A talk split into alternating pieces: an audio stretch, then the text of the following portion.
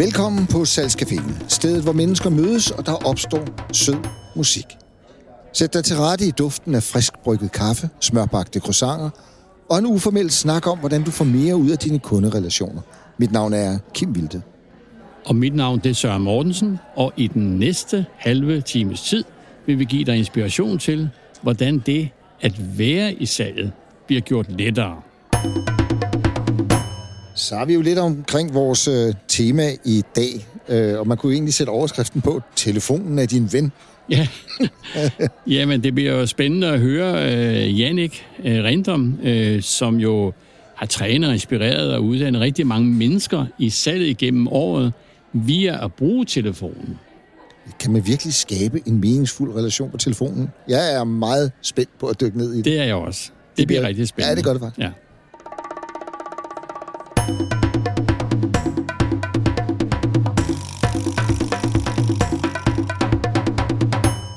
Jeg har lige nogle ting, som jeg i hvert fald godt lige vil snakke om. Den ene ting, det var øh, øh, det her med, at om der er en relation eller ej. Der blev øh, lavet en, en, en undersøgelse i USA. Øh, det er jo sådan, at derovre, der har man mange forsikringssager. Og øh, især inden for, for den lægevidenskabelige verden, hvis der laves fejl og sådan noget, så bliver de hospitalet sagsøgt for millioner og milliarder. Øh, og derfor var forsikringsselskaberne jo interesserede i at undersøge, hvorfor. Fordi det måtte jo være, fordi lægerne ikke var dygtige nok, så man uddannede dem. Eller videreuddannede dem. Og det viser sig, at det gav ikke noget forskel i, hvor mange sager de fik på halsen. Så begyndte man altså at sige, kan vi gøre undersøgelser på en anden måde? Og så fik man sat kamera og mikrofon op i konsultationerne, selvfølgelig efter aftale. Og så øh, lavede man et større forskningsprojekt om det. Og det, man fandt ud af, det var, de læger, som var fagligt dygtige, det vil sige fokuserede meget på deres faglighed i kontakt med patienterne, de, der var der en større risiko for, at hvis de lavede fejl, så fik de et sagsanlæg på halsen, end dem, der var rigtig dygtige til at skabe en menneskelig relation. Hvis de kom til at lave en fejl, så var det mindre sandsynligt, at patienten rent faktisk ville forfølge dem med et sagsanlæg. Det synes jeg var rasende interessant, fordi det fortæller noget om, at relationer gør, at vi bliver bragt tættere på hinanden og får anden samtidig og gensidig ansvarlighed. Så det vi ikke bare siger, at det er dig, der er dum. Men det er jo interessant, fordi vi har det også svært med, vi vil jo ikke anke mennesker, vi godt kan lide, eller mennesker, der er vores venner, dem vil vi jo selvfølgelig bakke op om i stedet for. I virkeligheden vil vi gå et skridt videre for mange mennesker, hvor vi har en god relation. Ja, præcis. Det kan måske være godt, og det kan være skidt, mm-hmm. men det er bare en fakta, at det er sådan. Ja, ja, ja. Jeg, jeg, jeg havde en øh, sag, meget apropos det her med, øh, at vi nu skal høre Jannik i dag, øh, fordi jeg øh, har jo arbejdet meget med relationer og netværk og sådan nogle ting. Og øh, der husker jeg, at det er sådan en referenceorganisation, hvor at øh, en øh, kom, fordi hun jo ikke... Det der med salg, uh, det var næsten det værste. Og, øh, og så var der en, der gerne ville hjælpe hende. Og han kom så med en, en, en seddel til hende, og øh, sige, her der er en person, der rigtig gerne vil snakke med dig, Rikke. Og øh, så stod hun der, jamen, jamen, så skal jeg jo ringe, og jeg kender jo ikke personen. Og øh, så sagde man, det er jo sådan set det, du skal, fordi der er en, der venter på, at du ringer. Så selv der, selvom der er en, der har åbnet døren, selvom der er en, der har gjort det muligt for, at du kan kontakte, så er der faktisk nogen, der næsten har det som en forbi. Og det bliver jo spændt på at høre, ja, det er... om, øh, om Jannik har nogle vinkler på det. Ja, for sådan. Øh, jo, og det er jo fordi, der er jo rigtig mange, der har det der med frygten og, ja. og simpelthen bare tage telefonen. Ja, lige præcis. Uanset hvem ja. det er. Ja. Jeg faldt over en historie, som jeg synes var meget interessant, for den fortæller lidt om, hvor krøllet vores hjerner er. Øhm, Benjamin Franklin havde en politisk modstander, og de datidens øh, aviser omtalte det som værende næsten fjendtligt mhm. uvenskab. Mm. Øh, og det var på oppositionssiden, og han ville egentlig gerne have en god dialog, så de kunne lave noget samarbejde. Øh, han fik så den idé, at han vidste, at ham, hans modstander havde en, en bog stående i sit bibliotek. Altså, så går han hen til ham og spørger, jeg ved, du har den der bog i dit bibliotek, må jeg ikke godt låne den? Og den anden var sådan lidt, øh, jo. Så fik han lov til at låne bogen. Historien fortæller sig ikke noget om, om Benjamin Franklin nogensinde læste bogen, men efter 14 dage, der leverede han bogen tilbage, og så med et håndskrevet øh, brev, hvor han takkede ham for at have fået lov til at låne bogen, og den havde givet ham en masse inspiration, og han synes det var utrolig interessant, og, og så videre, og så videre. Øh, og der viste det sig så, at hans øh, opponent her havde lige pludselig svært ved at se Benjamin Franklin som en fjende, fordi nu havde de jo et eller andet sammen. Så det er en eller anden form for øh, dissonans op i hovedet. Mm. Øh, så det her med at bare skabe en forbindelse, mm. så, så kan du faktisk få din aller værste mm. fjende til, om ikke andet, så at sænke våbnet. Mm. Ikke nødvendigvis lægge mm. det på hylden, men i hvert fald, hvis vi får et fællesskab, mm. så kan vi gøre fjenden, fjenden til ven, ikke? Altså, jeg plejer mange gange at kalde det en platform, vi kan, vi kan have øh, og kommunikere på.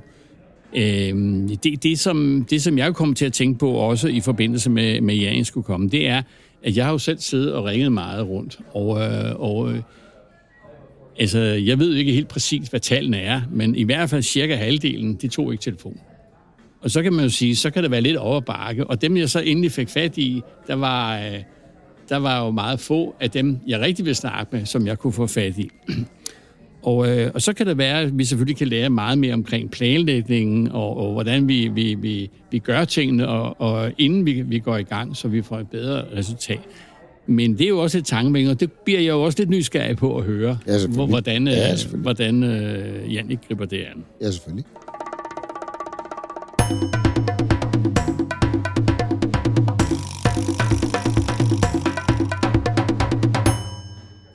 kom vi til, uh, til Jannik himself. Velkommen, Jannik Rindum. Mange tak, de her. Tak, tak, fordi, tak fordi du vil være med i vores uh, lille podcast her.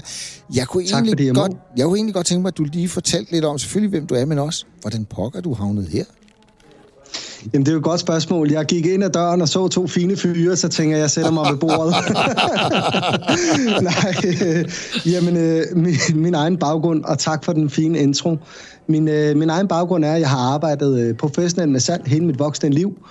Og, øh, og ved, jeg vil nok sige, at en fejl havnet her ved telemarketing. Jeg vidste egentlig ikke, hvad det, hvad det var, det jeg søgte den stilling. Jeg sad øh, tilfældigt i et tog en morgen og, og tænkte, den her job, øh, det her jobopslag, det lyder, fandme, det lyder fandme fedt. Det var noget med Key Account Manager, ikke? det lød så flot.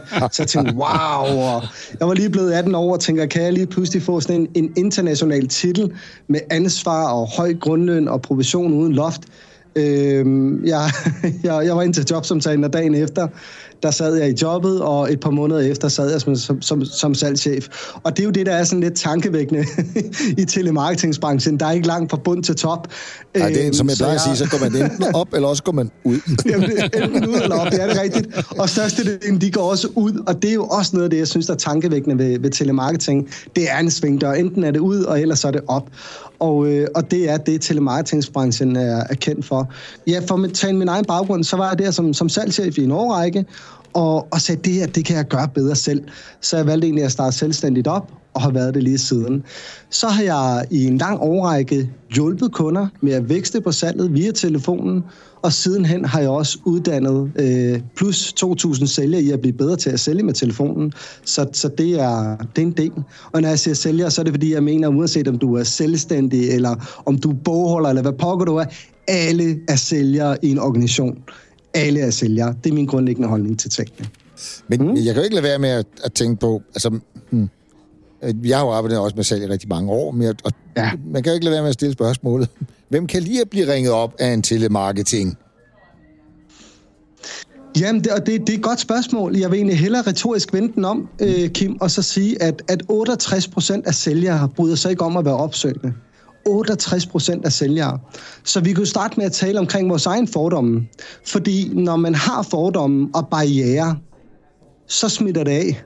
altså hvis du allerede starter, inden du skal ud og løbe et maraton og siger, jeg kommer ikke i mål, så kommer du sgu ikke i mål. Og skulle du endelig gøre det, så bliver det i hvert fald ikke en fed oplevelse. Så bliver det bare et lorteløb. Øhm, og, og, og det er også bare det, der sker mange gange, når vi skal til at være opsøgende på en telefon.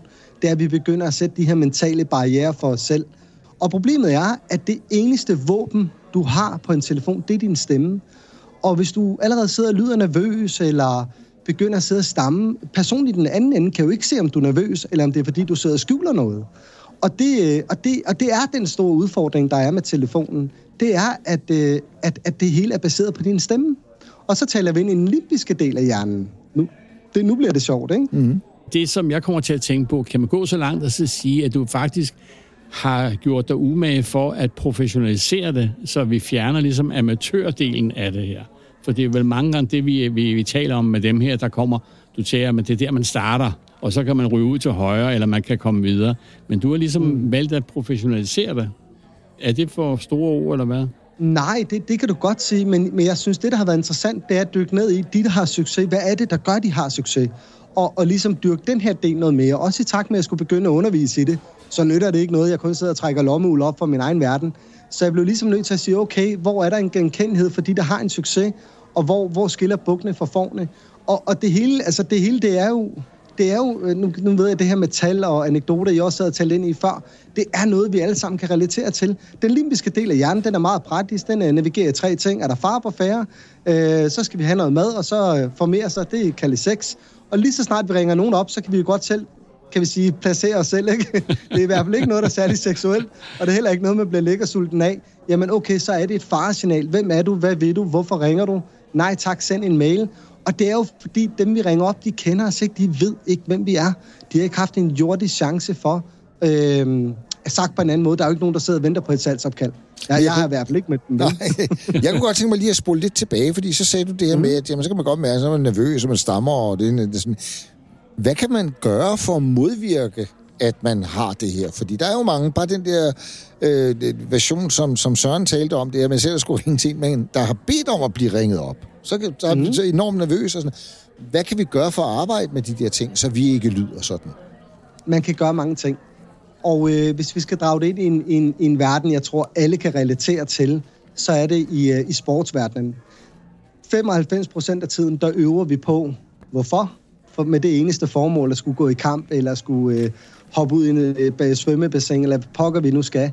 Og problemet er, at de, øh, de sælgere, der er, de ikke dyrker det her nok. De træner simpelthen ikke nok. De træner ikke sig selv i at blive bedre. Men det, man kan gøre, øh, det er, at du kan begynde at recorde din egen stemme.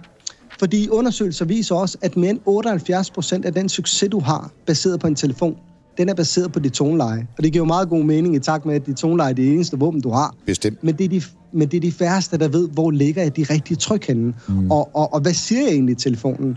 Og jeg er egentlig ligeglad, hvad modtageren siger i det her tilfælde, fordi jeg ved godt, hvad et ja er, jeg ved også godt, hvad et nej er, men det, der er interessant, er at høre, jamen, hvor ligger du selv trykket henne? Lyder jeg, øh, altså, taler jeg for hurtigt? Taler jeg for langsomt? Taler jeg for højt? Taler jeg for lavt? Og så er det, at vi begynder at sidde og lege lidt med de her mekanismer, fordi hvad betyder det at tale for hurtigt? Det betyder måske noget nervøsitet. Hvad betyder det at tale for langsomt? Så bliver man monoton. Det er der heller ikke nogen, der gider at høre på. Så alle de her elementer er knaldhamrende vigtige i en, øh, i en salgssamtale, men det er de færreste, der ved, hvorhen de ligger deres tryk. Så min anbefaling, det er, øh, uanset om du har en iPhone eller en Android, så er der, øh, så er der de her recorder, øh, og, og, og de er faktisk bygget rigtig smart op. Den, der hedder Memo på en, øh, på en iPhone, den recorder ikke modtageren, fordi det er igen GDPR, etc., men den recorder kun dig selv. Og øh, min anbefaling er, i et salgskald, begynd at optage dig selv, fordi du kan altid blive bedre, og du kan altid øh, finde, finde ud af, okay, hvad er det, jeg gjorde godt? Hvad gjorde jeg mindre godt? Og hvad skal jeg blive bedre til? Så det er en rigtig god start.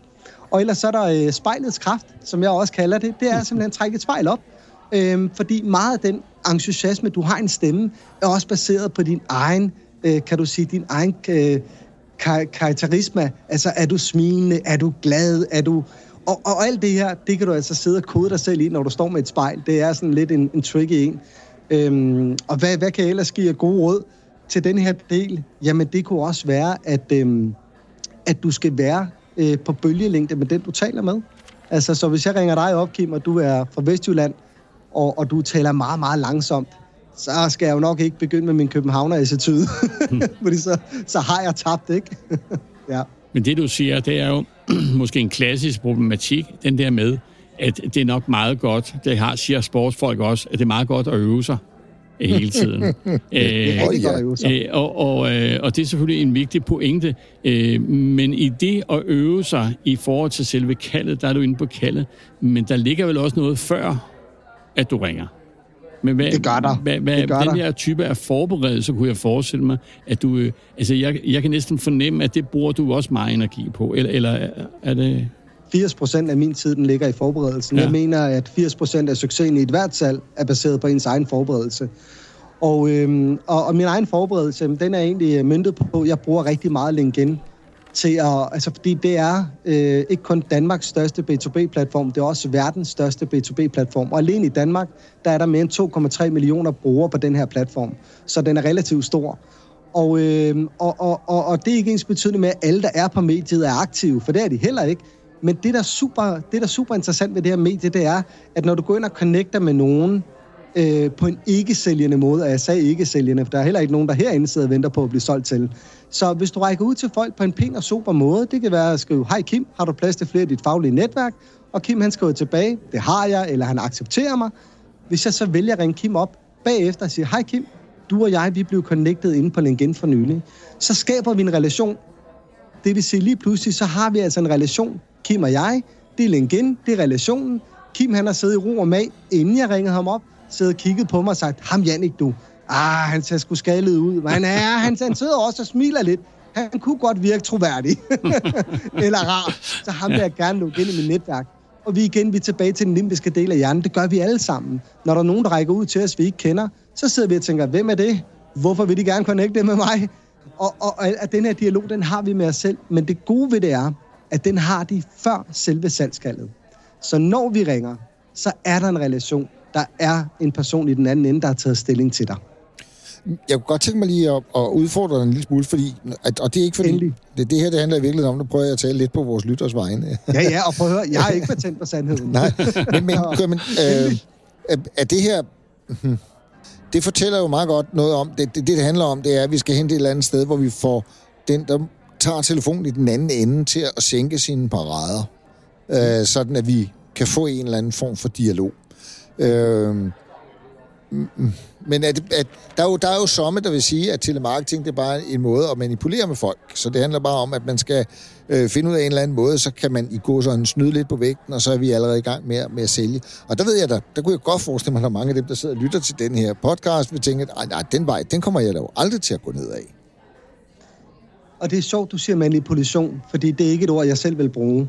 Øhm, jeg mener, når du ringer nogen op, så skal du gøre det med den devise om, at du rent faktisk kan skabe værdi for dem.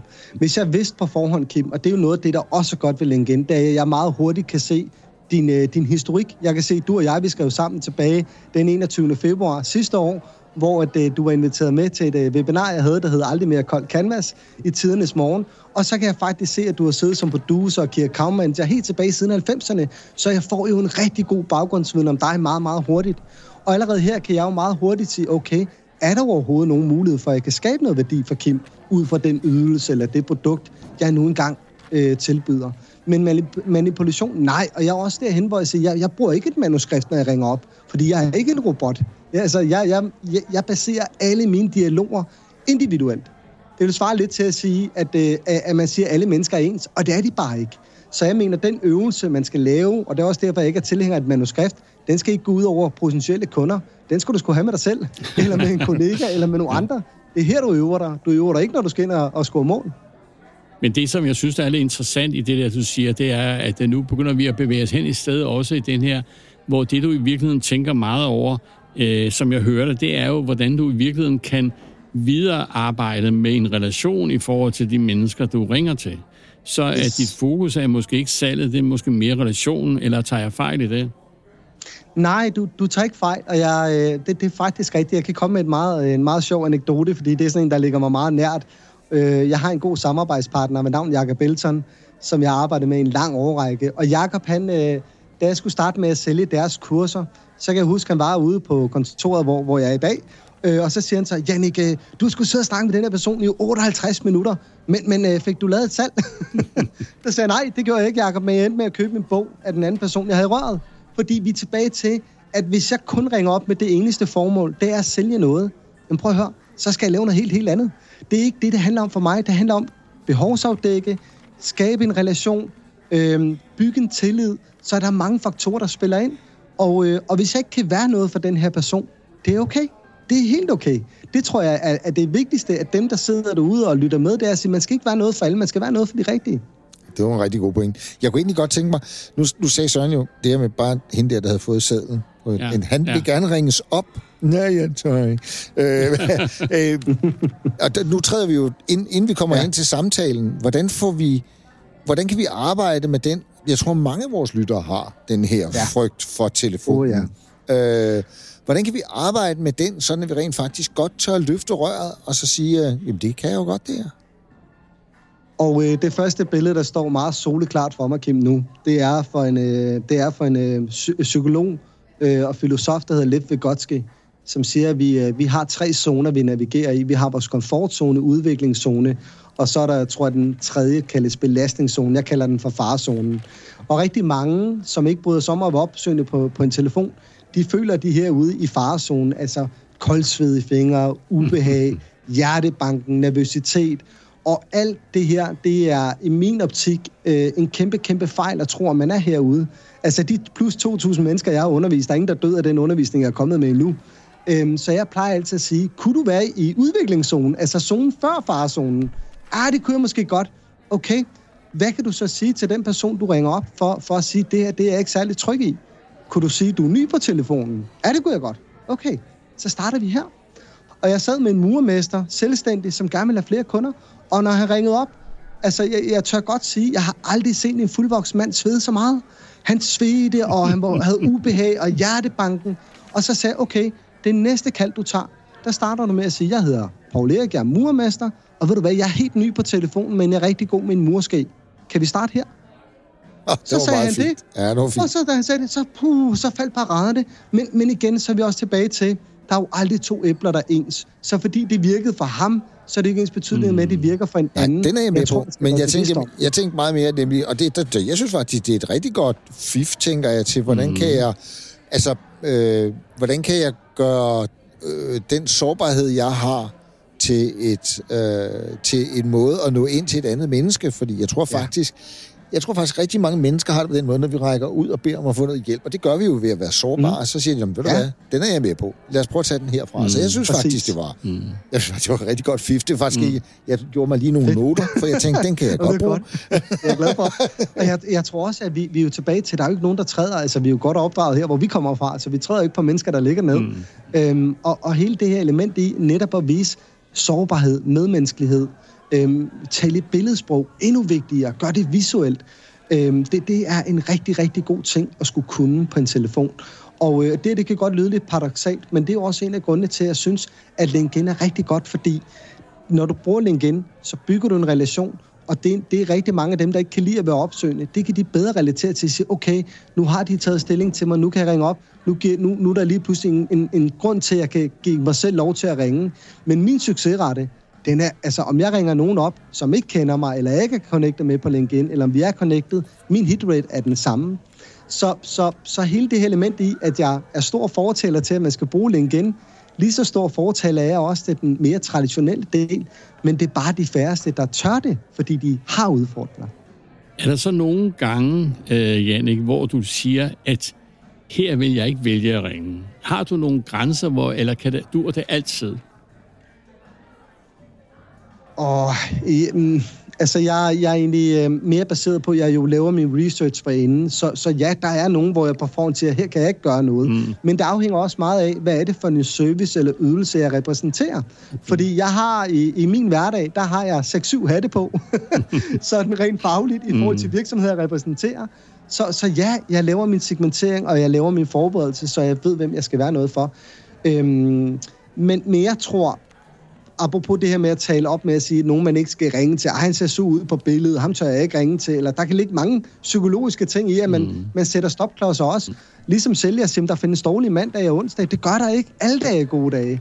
Altså, så, så jeg er også derhen, hvor jeg siger, der findes heller ikke dårlige tidspunkter. Mm. Jeg skal ikke ringe til folk kl. 10 om aftenen, men er det inden for almindelig kontortid, i hvert fald i B2B-regi, så, så, så det her med at generalisere sig, ah, men ja, vi ringer ikke til økonomichefer mm. om onsdagen, de sidder alle sammen i møde. Nej, de gør ikke, det er noget fis. Det er fis en hornlygt. Det er en barriere, du selv har. Det er ikke virkeligheden i hvert fald. Mm. Så jeg tror, øh, noget, noget jeg gerne vil give os lyttere med, det er, hvis du skal rykke dig, og, og det er jo min anbefaling, at man bruger telefonen også, så, så stop med antagelser. Mm. Det, altså, når du gerne vil rykke dig, så prøv at parkere din egen antagelse, din egen mening, din mm. egen holdning. Mm. Bare et kort øjeblik og så prøv rent faktisk at, at lytte til nogen, som måske lever af det, eller, eller, eller har fagnørdet det rigtig, rigtig meget, og prøv at, at se, om det hjælper. At det er vildt spændende. Vi er sådan langsomt og, øh, ud for tid. Det er en ting, jeg lige godt kunne tænke mig, ja. som jeg tror, der, der, der er rigtig mange, der sidder og tænker på. Det er, hvad, hvad, hvad gør vi med det der forbandede nej? Hvordan håndterer vi det? Du respekterer det. Ja, det forstår jeg godt. Men hvordan, det, hvordan undgår vi at tage det følelsesmæssigt ind? Ja. Altså, hvordan, og vi får jo, når vi sidder og ringer, kan vi jo få rigtig mange nejer. Oh ja. Og, og, og vi tale sat noget i starten, hvor du var inde og, og, og snakke omkring det her med, med læger. Og det synes jeg, mm. at det første, der slog mig i hovedet, i, ind i hovedet, det var, at du skal sælge som en læge. Du skal sælge som en læge. Fordi hvad er det, en læge er god til? Øh, og, altså, og, og, og give en diagnose, ikke? Hvor gør det ondt? Hvor længe har det gjort ondt? Har du haft de her symptomer før? Og der synes jeg bare, det er rigtig vigtigt, at når du er opsøgende på en telefon, vær nysgerrig på dem, du taler med, fordi alt salg er baseret på relationer. Så min bedste anbefaling, det er, at der er ikke nogen, der køber produkter eller ydelser. Det kan vi købe alle steder fra. Det folk, de køber ind på, det er en god relation, og det er nærværet, det er tilliden. People buy from people they know, like and trust. Og den her KLT-tilgang har jeg praktiseret i rigtig mange år. Og det er det, folk køber ind på. Og jeg er jo ikke den eneste underviser i Danmark, øh, som lever af at gøre det, jeg gør. Der findes nogen, der er billigere end mig. Der findes sikkert også nogen, der er bedre end mig. Men alligevel så har jeg øh, godt booket op i min ordrebog. og det er jo, det er jo fordi, at min, min, mine kunder køber ind på den tillid og den, den nærvær, jeg skaber. Og det er lige så vigtigt at gøre. Så det, øh, det, det vil helt klart være altså min anbefaling til, til lytterne her have fokus på det, det jeg kalder H2H, human to human, ikke? Og så mm. væk fra det der B2C og B2, B2B øh, sniksnak. Det er mennesker, køber mennesker. Jeg synes, det er en... Fantastisk afslutning. Ja, det er et godt ja. sted at lande. Ja, det synes er det ikke? Jo, ja, det er godt. Super.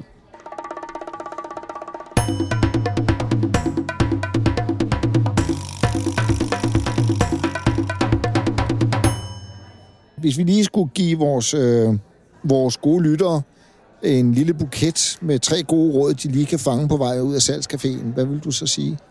Jeg har mere end tre, men jeg skal prøve at begrænse mig. Jeg vil helt klart anbefale, nu kommer der lidt reklame til, til min egen forretning, men jeg holder et øh, webinar, og øh, det gør jeg løbende, øh, der hedder øh, skab, øh, skab øhm, salg med telemarketing. Det er et webinar, hvor jeg giver syv konkrete værktøjer til, hvordan du bliver bedre og, øh, på telefonen, og hvordan du skaber den her relation meget hurtigt i telefonen. Det koster ikke noget andet end din tid, og den har jeg respekt for. Det må være værktøj nummer et. Øh, værktøj nummer to, det er at, øh, at, at gøre op med dig selv. Gør op med dine fordomme. Fordi når vi, når vi er over i at tale, at mere end 68 procent af, af sælgerne har fordomme med telefonen, så er det jo, så er det jo en kæmpe udfordring. Øh, så, så start med at gøre op med dine egne fordomme. Og kan du gøre det, og du er klar til at rykke dig, jamen så vær nysgerrig. Der er så meget viden derude at hente. Øhm, men vigtigst af alt, vær ydmyg omkring det, du laver, og lad være at have fokus på dit produkt. Øhm, det, det er den personlige relation, du skal vinde på. Og den tredje ting, for at runde den af, jamen det er, øh, det er at respektere et nej. Det synes jeg faktisk er rigtig vigtigt. Du skal respektere et nej. Og øh, det skal du faktisk i første sekund, du får det. Jeg ved godt, at lige nu bliver jeg rigtig upopulær blandt et hav af undervisere, som sidder og siger, ej, men Jannik, kunne man ikke lige... Høre, vi er voksne mennesker. Vi øh, går hele tiden og, og har sagt til de af os, der har børn, at de skal ikke plage. Øh, og, der, og det værste, en sælger kan gøre, så er det at plage og ikke respektere nej. Øh, fordi så, så går vi fra relationen over, over i, at man har mere fokus på sig selv. Der kan, altså et nej er aldrig personligt. Et nej kan være baseret på, på mange ting, og det synes jeg også lige er vigtigt at slutte af med. Det kan være, men altså, som jeg plejer at sige, du ved aldrig, hvor den her person er henne i sit liv, den du ringer op. Øhm, så derfor skal du respektere nej. Ej, hvor er det godt. Ej, det er det tre. Det er rigtig gode råd. Ja. Tak for det. Super godt. Det var så lidt. Se, det var jo rigtig spændende. Der, der kom vi ud i noget, hvor, hvor jeg ved, der er det ude for komfortzonen for rigtig mange. Det ja, her, det er rigtigt. rigtigt. Næste afsnit af Salgscaféen, Søren, det bliver jo noget af en 180 graders omvæltning. Ja, det, det må vi jo sige, for øhm, i dag har vi jo talt meget om telefons indkomst, øh, og det kan man jo næsten godt sige med det her indlæg med, med Janne. Men næste gang øh, skal vi, vores gæst han vil hævde, at øh, telemarketing faktisk er stendød. Ja, det er noget af en cliffhanger. Næste gang har vi nemlig Tony Evald Clausen fra Salgspiloterne, der vil fortælle os, hvorfor vi ikke skal bruge telefonen til at sælge med. Det er jo fantastisk, det her. Jeg kom ikke at sige, at salgscaféen er ensidig. Tak fordi du lyttede med. Husk, mennesker handler med mennesker. De kender og godt kan lide. Det var det. Hvad synes du, Jannik? Var det okay? I er mega gode. Der, I, I lige måde. Det var rigtig godt, synes jeg. Ja, ja. Det var nogle gode... Godt. Ja, der er ingen tvivl om, at for mange af vores lyttere, der er vi langt, langt væk fra komfortzonen. Og jeg kunne rigtig godt lide den der med, hvem skal jeg egentlig være noget for? Altså have den der refleksion med. Det kan jeg. Altså jeg synes jo, jeg synes jo faktisk, det er rigtig, rigtig skønt, øh, Jannik, også det der med at din respekt øh, for mennesker generelt, altså for de bryder fuldkommen med folks fordomme med den der typiske telefonserie. Så det er respekten for, for det andet menneske, og fokusen på, hvad der kan være godt for dem. Øh,